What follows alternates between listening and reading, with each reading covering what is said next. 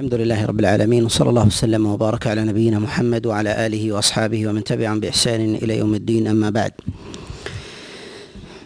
فنكمل شيئا مما يتعلق بأحكام بأحكام سورة المائدة وتكلمنا في المجلس السابق على آية آية الوضوء.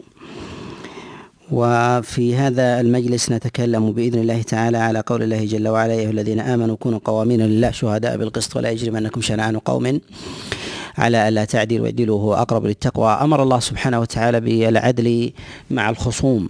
أمر الله عز وجل بالعدل مع الخصوم. وهذه الآية قيل إنها نزلت على رسول الله صلى الله عليه وسلم في يهود وذلك أن النبي عليه الصلاة والسلام أراد الاستعانة بهم بدية آه، في المسلمين. فأراد النبي صلى الله عليه وسلم أن يستعين بالمال فأرادوا قتل رسول الله صلى الله عليه وسلم. فامر الله عز وجل نبيه عليه الصلاة والسلام أن يعدل معهم فيما كان لهم وألا يظلمهم وذلك إنما حكم يمضيه الله عز وجل لرسوله صلى الله عليه وسلم وكذلك أيضا لأتباعه من أصحابه.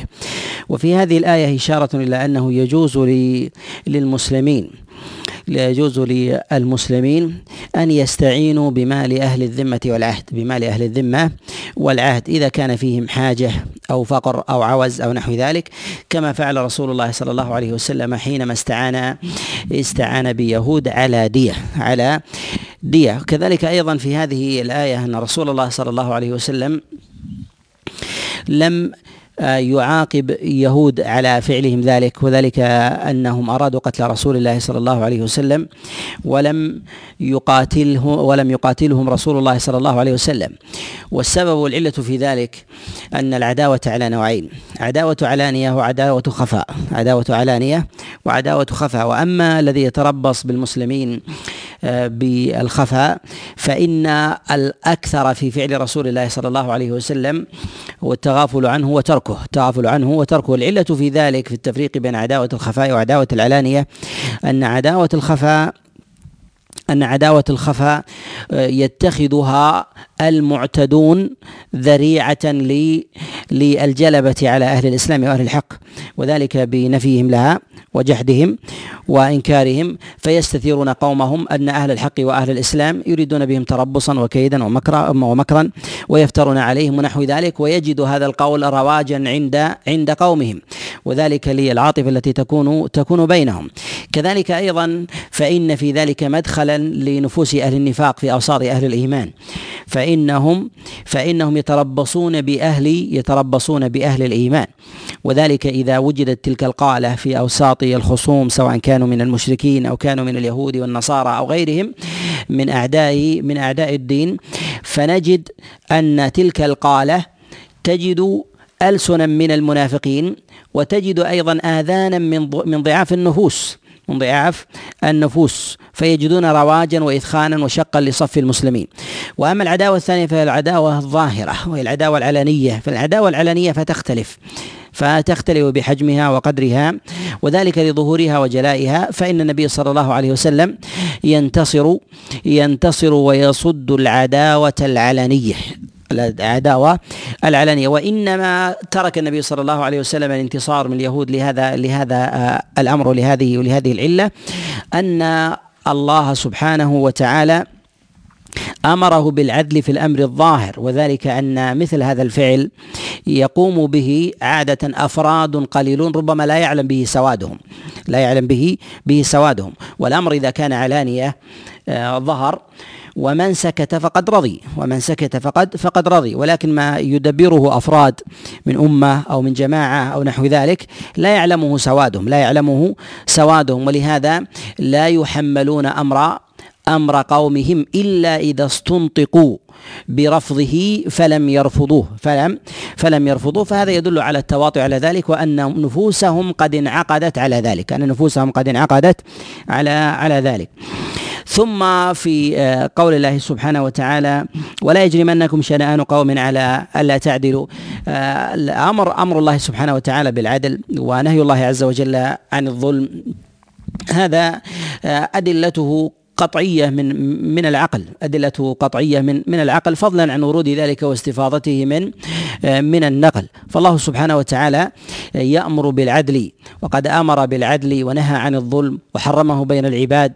وحرمه سبحانه وتعالى على نفسه. فنقول إن الله عز وجل حينما أمر بالعدل إشارة إلى وجود قرينة ربما تدفع الإنسان إلى إلى الظلم. وقوله لا يجرمنكم يعني لا يحملنكم لا يحملنكم عداوة وبغضاء قوم على أن تظلموهم ولا تعدلوا معهم ولا تعدلوا ولا تعدلوا معهم. وذلك ما كان من يهود وذلك من آه، من جناية على المسلمين وكذلك أيضا ظلم لهم واستكبار وعدوان. فنجد أن الله سبحانه وتعالى أمر أمر بالعدل لهذه العلة. نأخذ من المفهوم ودليل الخطاب أن العداوة التي تكون بين بين الإنسان وغيره مظنة مظنة لعدم الإنصاف وعدم العدل معه. فيجب على الإنسان أن يوازن أن يوازن في ذلك. فإذا كان ثمة عداوة منفكة عن الأمر الذي تريد أن تقضي فيه فعليك أن تفك العداوة المالية أو العداوة الحسبيه أو النسبية أو العرقية أو الوطنية أو غير ذلك عما تريد أن تفصل فيه أما عما تريد أن تفصل فيه بينك وبين من تعاديه. ولهذا الله سبحانه وتعالى ما نهى النبي صلى الله عليه وسلم عن أن يقضي في أمر يهود ولكن ولكن بين الله سبحانه وتعالى له ولأصحابه الأمر الذي كان منهم فلا يكون ذلك مؤثرا على على أمر آخر فلا يكون ذلك مؤثرا على أمر على أمر آخر. والله سبحانه وتعالى عاصم النبيه ولكن الله عز وجل يريد أن يقيم العدل في امتي في أمة محمد صلى الله عليه وسلم فيقتدوا به من بعده فيقتدوا به فيقتدوا به من بعده. وقوله جل وعلا شنآن قوم الشنآن هي البغضاء هي البغضاء والعداوة التي يجدها الإنسان. نأخذ من دلالة المفهوم ودلالة الخطاب في ذلك أن الإنسان إذا إذا شهد على إذا شهد على خصم أن شهادته باطلة أن الشهادة باطلة. فتلك مظنة لعدم العدل فتلك مظنة لعدم العدل. ولهذا قد جاء عن رسول الله صلى الله عليه وسلم في أحاديث كثيرة آه عدم شهادة الظنين عدم شهادة الظنين. وكذلك أيضا الخائن وهذا فيه إشارة إلى أن الإنسان ربما يدفع تدفعه تدفعه تلك العداوة على إخفاء بعض البينة. أو اللحن فيها أو لي اللسان وطيه فيها حتى لا يفصح فتتحول من دليل إلى قرينة فيضعف حقه حينئذ فيضعف حقه حينئذ. ويتوهم أنه قد جاء بالحق ويتوهم أنه قد جاء جاء بالحق. ولهذا قد جاءت جملة من الأحاديث عن رسول الله صلى الله عليه وسلم بالنهي عن ذلك. جاء في حديث عبد الله بن ابن عمر وجاء في حديث عبد الله بن عمر وعائشة وأبي هريرة و جابر وأنس وغيره من أصحاب رسول الله صلى الله عليه وسلم في النهي عن ذلك وكلها معلولة ولكن يدل على أن لها أصل على أن لها أصل وهي أيضا من جهة النظر آه، النظر يؤيدها ويعضدها ولهذا اجتمع اتفق العلماء واجتمعوا على أنه إذا قامت التهمة بالعداوة بين اثنين وأن هذه التهمة مؤثرة مؤثرة على الشهادة أنها لا تصح. ولو كانت العداوة منفكة عن موضع النظر. ولو كانت العداوة منفكة عن موضع عن موضع النظر. وأمثل ما جاء في ذلك ما جاء عند أبي داود من حديث عمرو بن شعيب عن أبيه عن جده أن رسول الله صلى الله عليه وسلم قال آه، لا يشهد أو لا تقبل شهادة خائن ولا خائنة ولا زان ولا زانية ولا ظنين ولا ذي غمر على أخيه. يعني ذي عداوة. يعني ذي ذي عداوة على على أخيه. وهذا فيه إشارة إلى آه، أن الأخوة الإيمانية في ذلك ربما يظلم الإنسان ولا يستحضرها لعداوة في قلبه لعداوة في في قلبه على على أخيه. وهذا الأمر نقول فيه فيه موضع اتفاق فيه موضع اتفاق. والعلماء لا يختلفون على هذا الأصل أن أن أن العداوة وكذلك أيضا الخصومة والشحناء التي تكون بين الناس إذا كانت مؤثرة على الشهادة أنها تبطلها. وهذا مما لا خلاف مما لا خلاف فيه. ولكن الخلاف عند وجود خصومة وعداوة يرى بعض الفقهاء عدم عدم التأثير عدم التأثير فيها حينئذ حينئذ يقولون ب حينئذ يقولون بجوازها في بعض الصور. ويقابل ذلك عدم العداوة وذلك المنفعة وذلك المنفعة كشهادة الرجل لولده وشهادة الولد لأبيه عند على حق بين بين أبيه أو بين الإبن وبين وبين شخص آخر. فإن للنفس حظ في ذلك فإن للنفس حظ حظ في ذلك. ولهذا جاء في الحديث عدم قبولها وهذا يعضده الحديث السابق في قوله قال ولا ظنين الظنين يعني المتهم. ولا يلزم من ذلك عداوة قد تكون مودة قد تكون مودة. وهذا الحد هو الذي اختلف العلماء في قدر الظنة والتهمة ولو لم توجد عداوة.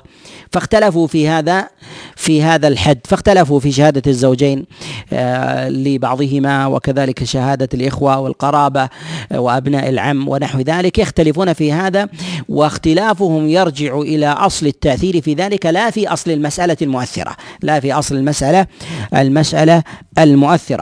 فلهذا آه، نقول إن هذه المسألة آه، فيها من تمام عدل الشريعة وكمالها وإحكامها وإنصاف الناس في حقوقهم سواء كان ذلك من أموالهم ودمائهم وكذلك أعراضهم ما لا يوجد في قوانين الأرض ولا ولا أنظمتها.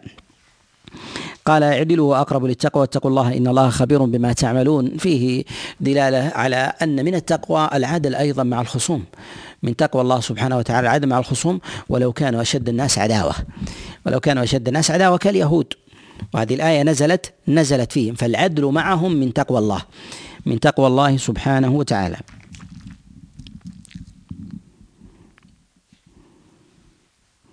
الآية الثانية في هذا المجلس في قول الله عز وجل ولقد أخذ الله ميثاق بني إسرائيل وبعثنا منهم اثني عشر نقيبا هذه الآية آه، أنزلها الله سبحانه وتعالى لبيان ما كان من إبراهيم وذلك لما أراد قتال الجبابرة لما أراد قتال الجبابرة. فإنه انتخب من كل آه، سبط من بني إسرائيل آه، رجلا.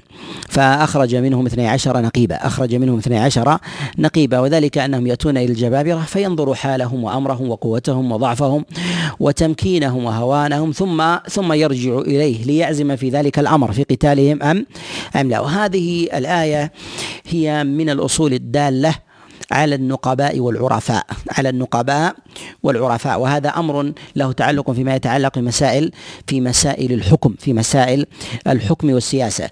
وذلك أن موسى عليه الصلاة والسلام إنما اتخذ أولئك النقباء لأثرهم على قومهم لأثرهم على على قومهم. فإن الشعوب يصعب أن يصل الحاكم إلى ما يريدون. وإلى ما يحبون ويكرهون. فلما تنوعت مشاربهم وتنوعت آه، أيضا رغباتهم احتاجوا في ذلك إلى نقباء. احتاجوا إلى إلى نقباء. يصدرون عن قولهم وينيبونهم فيما فيما يعلمون. فالنقباء يعلمون أحوال القوم وما يريدون وما يكرهون. وكذلك أيضا لو خالف أفراد من قومهم فإنهم يأطروهم. وذلك يجعل الغلبة يجعل الغلبة على على القلة على القلة. فحينئذ يستقيم أمر الجماعة وحينئذ يستقيم أمر الجماعة. وهذا ما أراده موسى عليه الصلاة والسلام. وهذا ما اتخذه رسول الله صلى الله عليه وسلم في نهجه في تعامله في اختيار النقباء والعرفاء. في اختيار النقباء والعرفاء ولدينا عدة مصطلحات فيها تداخل فيها تداخل وتشابه وليس فيها تطابق تام وليس فيها تطابق تام. وذلك من هذه المصطلحات النقباء وهم العرفاء وهم العرفاء.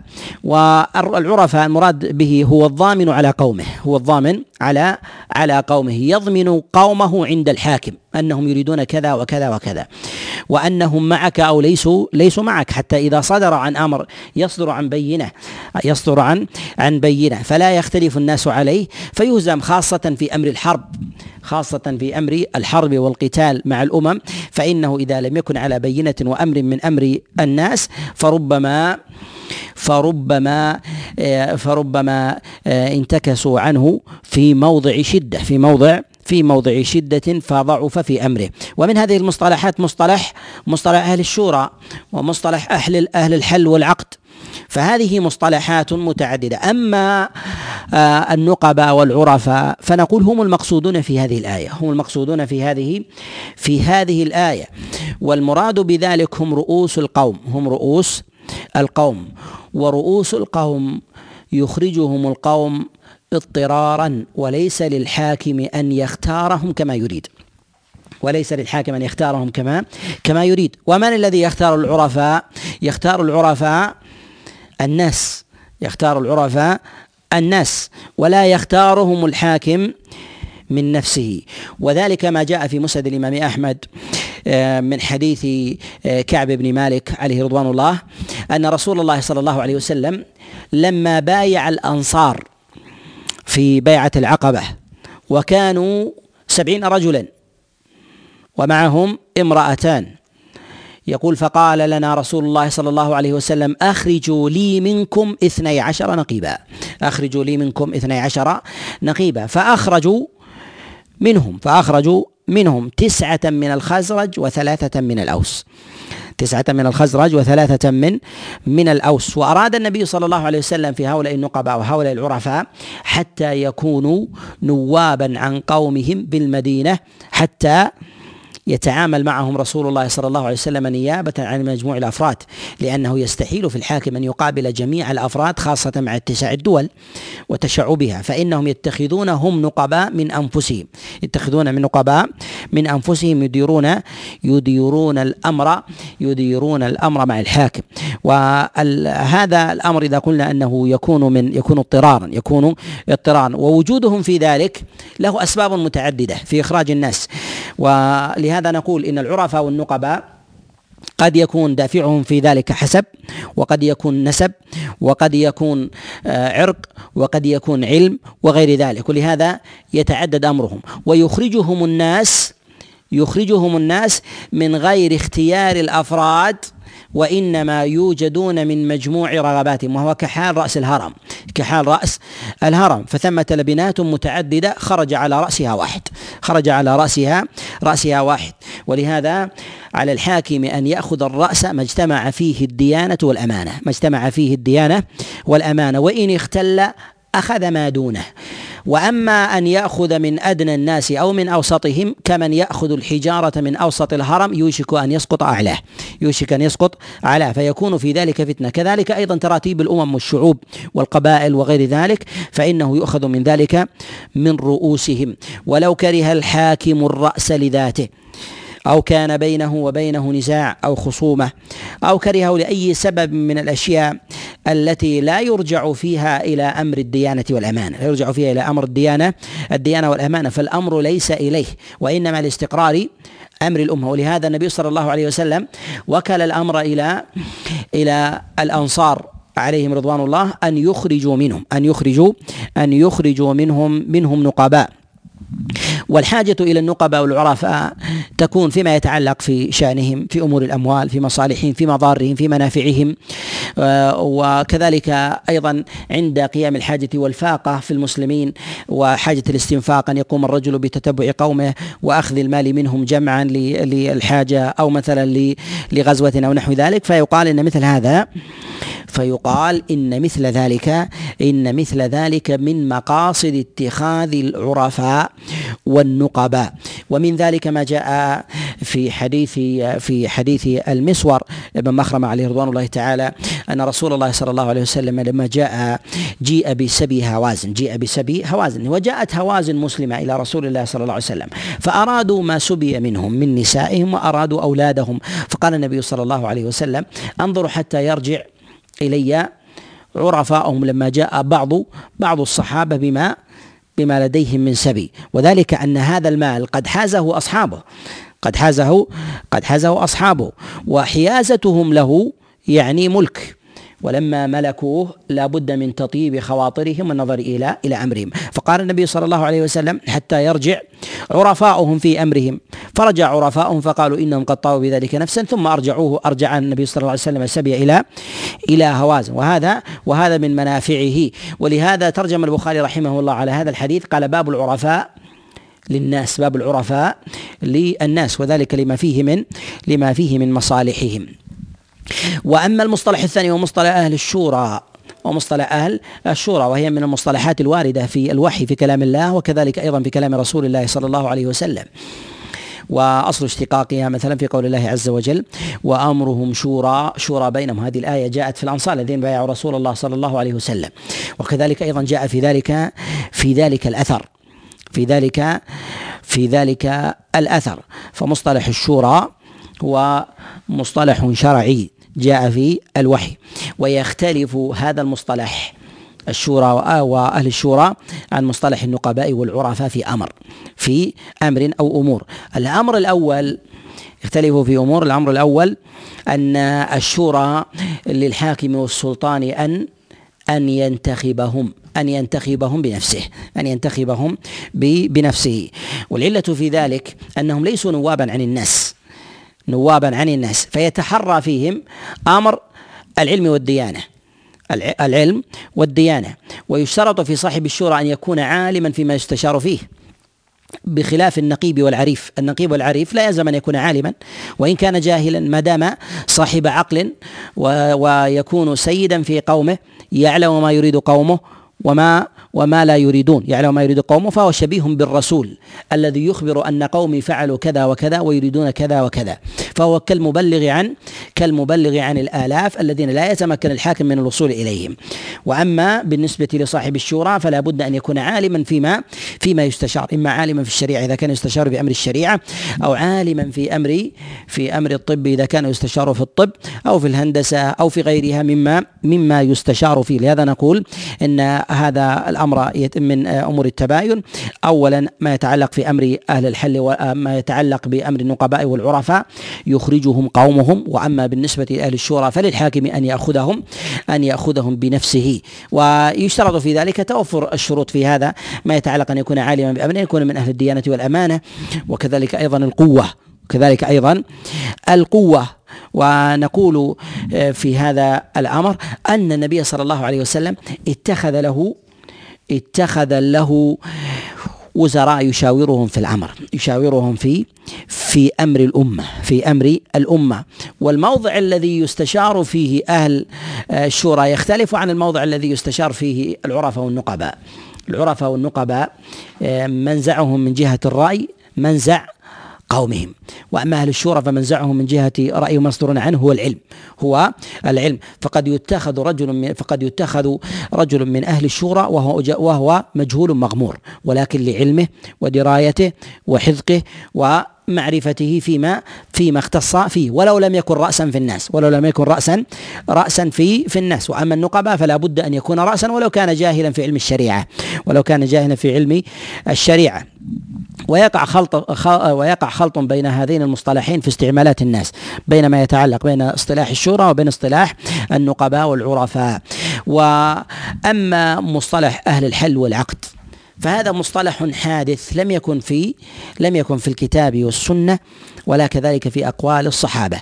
وأول آه، من آه، اصطلح على ذلك الإمام أحمد رحمه الله و واشتهر واستفاض. وإن كان معناه مستقرا وإن كان معناه مستقرا وعليه العمل وقد دلت النصوص عليه. ولكن نتكلم على على ذات المصطلح على ذات آه، المصطلح. وأهل الحل والعقد الذين يبرمون أمر الأمة من آه، من اختيار حاكم وأمر العظائم والشدائد فيها. أمر العظائم والشدائد فيها وذلك في الانقياد لأمر الحروب وكذلك أيضا للسلم وغير ذلك. ما لم يكن في ذلك مخالفة صريحة للكتاب والسنة. فإن الكتاب والسنة لا تعرض لي للمشاورة وإنما تعرض في ذلك لآلية تنفيذها لآلية تنفيذها. إما أن إما أن تنفذ كذا ابتداء من كذا ببلدة كذا أو ببلدة كذا يبتدأ من أي موضع. وأما البداءة فيها في ذاتها فهي قطعية فهي فهي قطعية. ولكن موضع الأمر هل يبتدأ بالجهة الفلانية أو الجهة الفلانية؟ لأنه يشق أن يستوعب الناس فيها. وذلك كأمر القتال كأمر القتال والجهاد في سبيل الله. فثمة جهات متعددة لا يستشار في أمر الجهاد في ذاته ولكن يستشار في ماذا؟ في جهاته. في جهاته هي شرقية أم غربية شمالية أم جنوبية العدو الفلاني أو العدو الفلاني ونحو ذلك هذا هو موضع موضع الشورى فهذا من الأمور فهذا من الأمور السائغة. كذلك ما وسعت فيه فما وسعت فيه الشريعة وذلك من أمر الأسرى وذلك من قتلهم أو فدائهم آه، والبني عليهم فإن النبي صلى الله عليه وسلم قد استشار في ذلك فإن النبي صلى الله عليه وسلم قد استشار استشار في ذلك وذلك لاختلاف المصالح وتباينها لاختلاف المصالح وتباينها فإنه قد يكون في أسير يختلف عن الأسير الآخر في نزلة واحدة المصلحة في قتله أو المني المني عليه أو الفداء الفداء به كذلك تختلف بحسب الحوادث في عام عن غير عام في غزوة عن غير غزوة في زمن غير زمن أو في دولة عن عن دولة وهذا الأمر يتباين لهذا مرجعه في ذلك إلى إلى الحاكم والى الحاكم يستشير فيه يستشير فيه أهل أهل الحل أهل الحل والعقد. ومن هم أهل الحل والعقد؟ هم هل هم ممن تقدم من أهل الشورى والعرفاء والنقباء؟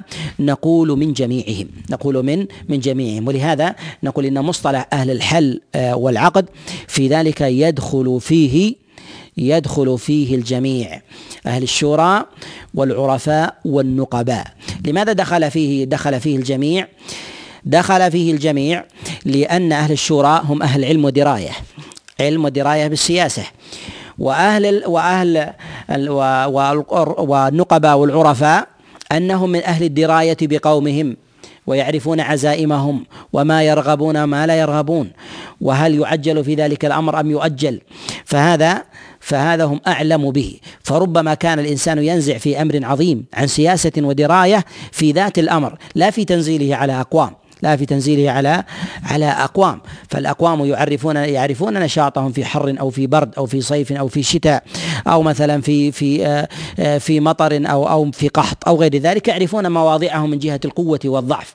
والنقباء يعرفون ما يريد الناس ما يريد الناس. فلا ينفرد بعالم يفصل في أمر في أمر العامه في أمر العامه ونقول هذه المباحث كلها يرجع فيها في أمر في أمر منفك عما قطعت فيه الشريعة. أما قطعت فيه الشريعة وما قطعت فيه الشريعة ما اتسع من أمر التطبيق فيه فيجوز أن يكون أن يكون شورى في في صفة تطبيقه مبتداها ومنتهاها وموضعها و وموضعها وكذلك أيضا في في صفتها في صفتها فإن هذا من من أمر من أمر الساعة ويختلف كذلك أيضا بحسب المواضع. منها ما هي قطعية لا تحتاج إلى أمر كأمر كأمور أركان الإسلام و توحيد الله عز وجل وإقام الصلاة وإيتاء الزكاة وصوم رمضان وحج البيت فهذه من الأمور فهذه من الأمور القطعية التي لا تخضع لشيء من لشيء من مشاورة الناس ولا يخضعون فيها قبولا أو أو رفضا ولكن من جهة حاجة الناس تقسيم الأموال والمصالح فيها وكذلك أيضا في أمور الجهاد وغير ذلك ما يتعلق بمنافع الناس في أمور الأموال وكذلك أيضا في في أسفارهم وإقامتهم وغير ذلك مما يتعلق بمنافعهم وأمر الأمة العام وأمر الأمة العام. وفي هذه الآية أيضا آه، دليل على آه، جواز أن يتخذ الحاكم أعينا. أن يتخذ الحاكم أعينا. فإن موسى عليه الصلاة والسلام اتخذ هؤلاء 12 نقيبا آه، أعينا لينظر إلى الجبابرة. فيصبر حالهم وينظر ما هم فيه من قوة وضعف. وهل لديهم من القوة آه، ما يغلبون في أهل الحق فيتمهل أهل الحق وما المقدار الذي يتزود به أهل الحق عليهم من جهة آه، من جهة الإثخان بهم وما هو العدد ونحو ذلك. فأرسلهم موسى عليه الصلاة والسلام أعينا. وقد اتخذ النبي صلى الله عليه وسلم أعينا. وقد اتخذ النبي صلى الله عليه وسلم أعينا كما جاء كما جاء في في الصحيح.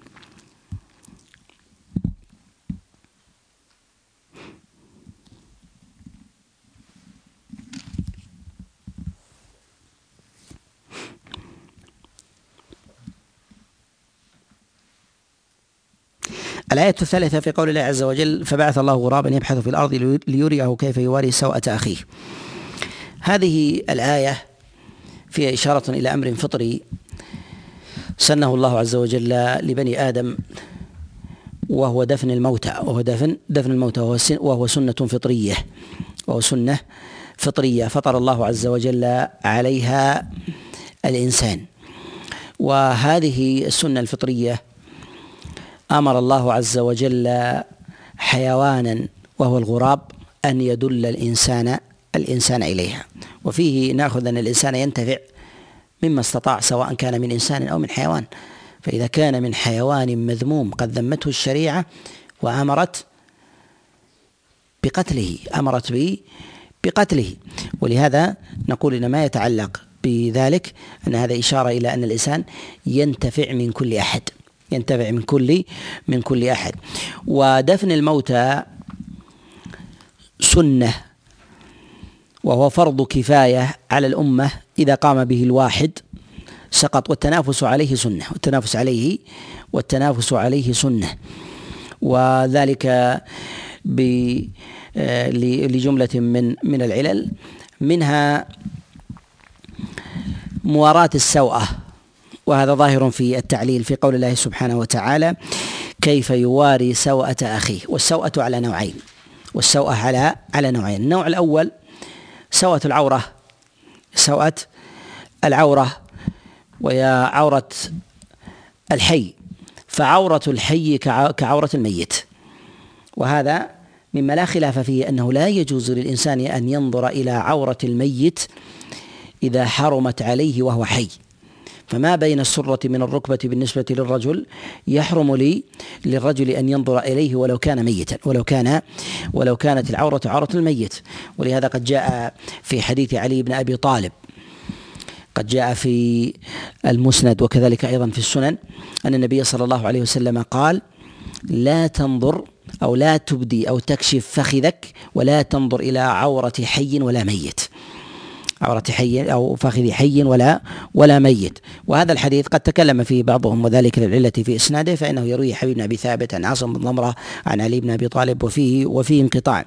ولكن معناه صحيح ولكن معناه معناه صحيح. وذلك أن أنه يحرم على الإنسان أن ينظر إلى عورة إلى عورة الميت. النوع الثاني من السوءة ما ما يساء من الإنسان أن يرى أو يتأذى منه وذلك كنتن جيفته.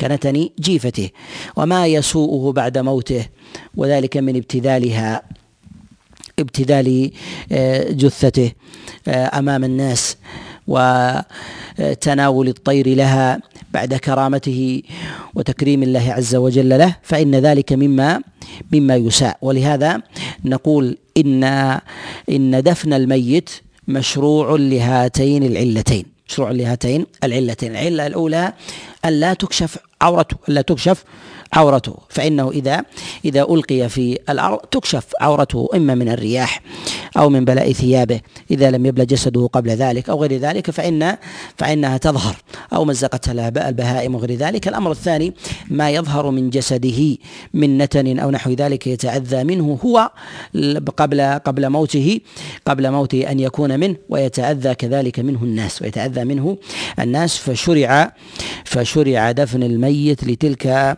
لتلك العلة.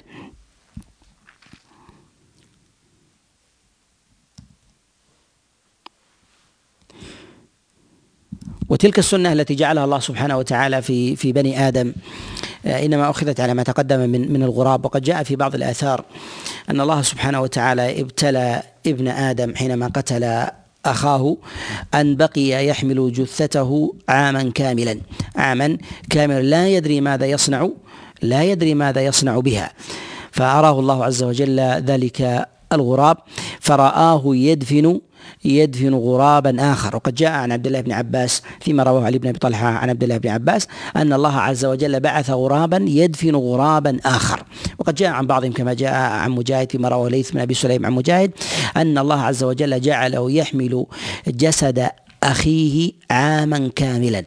جسد أخيه عاما عاما كاملا لا يدري ماذا يصنع. يصنع به حتى أراه الله عز وجل ذلك الغراب ففعل مثل ففعل مثل مثل فعلته تلك. وهنا في قول الله عز وجل قال يا ولتا عجزت أن أكون مثل هذا الغراب فأواري سوءة أخي فأصبح من النادمين. هذا فيه تأكيد على ما يتعلق بمواراة السوءة فإنه ذكر أمر السوءة في موضعين.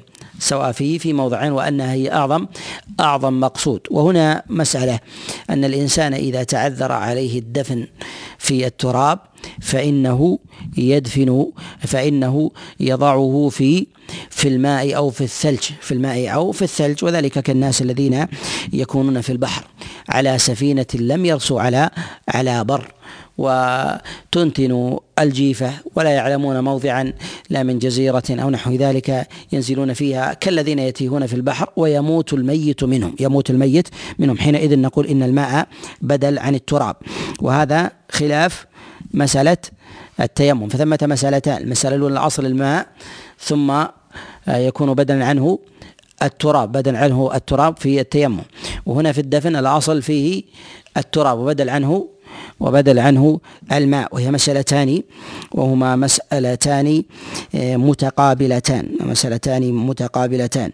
ورميه في الماء يكون بعد يكون بعد بعد تكفينه إن أمكن تكفينه ويصنع فيه كما يصنع كما يصنع فيما في من يدفن في في التراب وذلك من غسله على الوصف المشروع وكذلك أيضا من تحنيطه وكذلك أيضا في تطيبه وتكفينه ثم بعد ذلك يشد عليه ثم ثم يدفن ثم ثم يرمى يرمى في الماء ولا حرج عليهم ذلك. كذلك أيضا الذين يموتون في في المواضع التي لا تراب فيها لا تراب فيها ولا ماء وذلك كالثلج كمواضع الثلجية فإنهم يدفنونه في الثلج ولا حرج عليهم. نكتفي بهذا القدر وأسأل الله عز وجل لي ولكم التوفيق والسداد والإعانة. إنه لذلك القادر عليه صلى الله عليه وسلم وبارك على نبينا محمد.